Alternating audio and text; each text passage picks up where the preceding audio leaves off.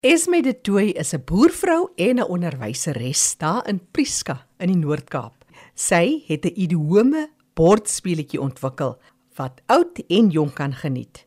Esme, wat was jou doel met die speletjie? Dis nou jeugmaand. Hoe dink jy kan 'n mens iets soos dit gebruik om speelspeel ook 'n meer kleurryke Afrikaans onder jong mense bevorder?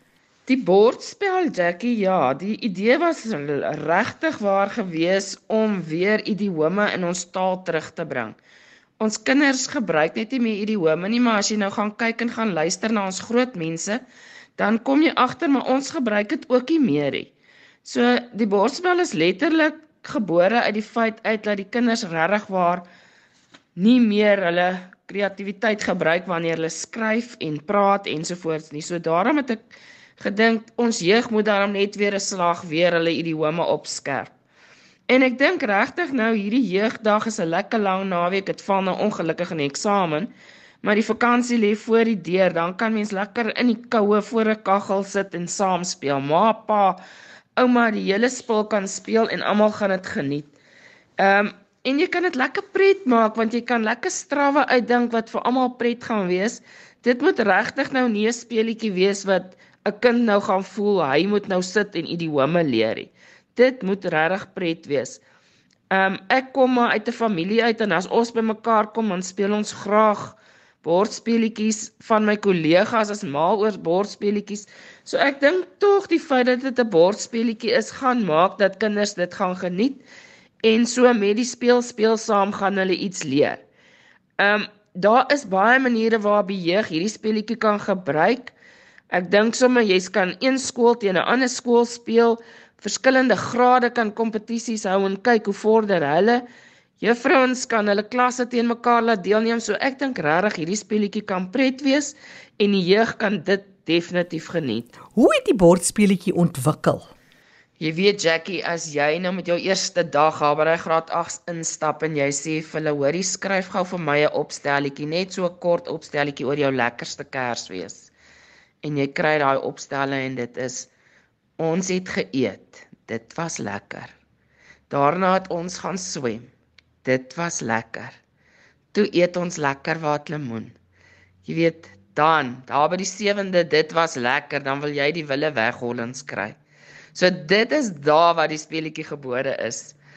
Maar ja, ek maak nou eintlik sommer 'n grappie om net te sê ek het regtig iets gesoek om te dink wat kan ek doen dat kinders jy kan altyd mos maar luister en luister idiome uitprint en sê hoor hierso daarso ons dit gaan leer dit maar dit werk net nie meer vir vandag se kinders nie. So ek het regtig gedink ons moet dink aan iets wat dit vir die kinders prettig kan maak. En op die ouend omdat ek myself lief is vir bordspeletjies het dit toe nou 'n bordspeletjie geword. Ehm um, Ons het groot geword. Ek het groot geword met ouers wat met jou praat en hulle gebruik idiome. Hulle sal vir jou sê, "Jy sien maar jy is besig om lekker rooi hakskientjies te kry." Jy weet of jy's te groot vir jou skoentjies man of jy sit en tel tande. Maar mense hoor nie meer dat ouers daai goed gebruik nie. So die kinders hoor net nooit meer idiome nie. En as dit nie gebruik word nie en jy hoor dit nooit nie, dan hoekom gaan jy dit dan nou ken? Jy gaan dit dan nou ook mos nou nie ken nie. So ja, en ehm um, Gert Jan is nou ons streeksverteenwoordiger van die ATKV. Hy spot baie lekker oor die woorddokument wat hy ontvang het. En dit was regtig waar letterlik 'n woorddokument wat ek vir hom gestuur het met 'n paar van hierdie idiome op. En ek het vir hom gesê, "Jong, kyk 'n bietjie hierna en dan sê vir my wat kan ons iets daarmee maak of moet ek dit wegsmy?" Hy het dit toe vir Misha gestuur, Misha Eksteen van ATKV die eintlike held in die verhaal want sy het dit verder gevat en dit laat ontwikkel. Dit het meer as 2 jaar gevat om dit te kry soos wat dit vandag lyk. Hulle het gaan kers opsteek by mense wat soos Monopoly in 30 seconds en daai goeters maak. Hulle het dit laat toets deur mense wat dit gespeel het en gekyk het of daar foute is. So dit was regtig 'n lang proses om nou by ou en vandag hierdie speletjie te kan vashou en te sê hiersoos hy nou uiteindelik. So ek is baie baie dankbaar vir Misha en haar span want hulle het op die ou end eintlik maar die hardste gewerk om hierdie ding te kry tot waar hy is. Is my hoe moeilik of hoe maklik is dit om die bordspeletjie te speel? Weet jy, die kinders het mos nou maar nie baie kennis van idiome nie. So ek dink nie hulle gaan sommer die kaartjies optel en dadelik die antwoorde ken nie. En dit is nou dalk gaan dit baie kinders afsit. Ek hoop regtig nie so nie. 'n Mens moet dit pret maak. Ek dink net 'n mens moet gaan sit en jy moet gaan kyk. Jy kan nie prentjies baie maklik ontleed. As die idioom byvoorbeeld is van kop tot toon, dan is daar 'n kop geteken met 'n pyl wat na die tone toe wys. So ek dink met 'n bietjie moeite doen om uit te pleis wat gaan aan 'n kaartjie kan jy by die antwoord uitkom. So ek dink nie dit is so moeilik nie. Ek sou sê dit is vir graad 4 kinders, van graad 4 kinders af sal dit kan begin speel, maar ek het kollegas wat dit al klaar met baie jonger kinders speel. En hulle het begin stadig met die een pakkie kaartjies en hulle het nou maar net met die een pakkie eers gespeel en daai kinders het al 'n hele paar van die idiome al onder die knie. So ek dink dit is regtig nie so moeilik nie. 'n Mens kan maar altyd 'n woordeboek byhou. En weet jy dan maak jy dit deel van die pret. Want dan sit jy 'n tydsaspek daarby, so as die kind te lank vat om na te slaan of iets dan word hy nou gestraf. Enigiets, ek meen probeer maar iets uitdink wat dit tog nog steeds lekker maak. Maar dit kan regtig gespeel word deur volwassenes, deur ek dink ouer huise kan mekaar selfs uitdaag om hierdie ding te speel.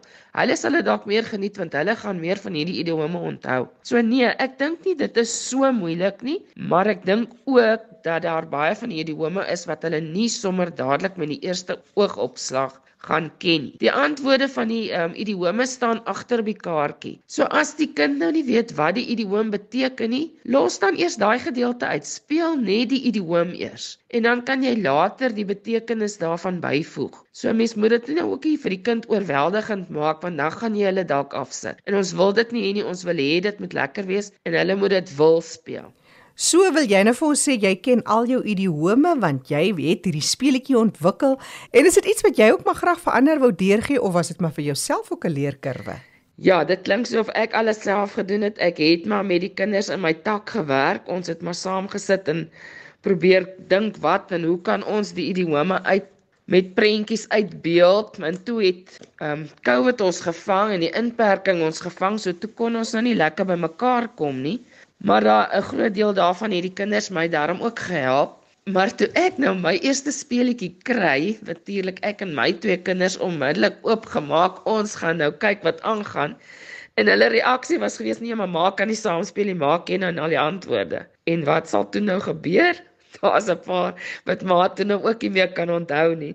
So ja, nee, wat sulke dinge gebeur ook maar in 'n familie, né? Esme de Tooi van Hoërskool Priska in die Noord-Kaap wat vertel het van meer back as binnegoed. Dis 'n interaktiewe bordspeletjie waarin spelers kaartjies moet trek om aan die hand van leidrade die idiome moet raai. Esme, dankie vir die herinnering weer aan die mooi idiome in ons taal.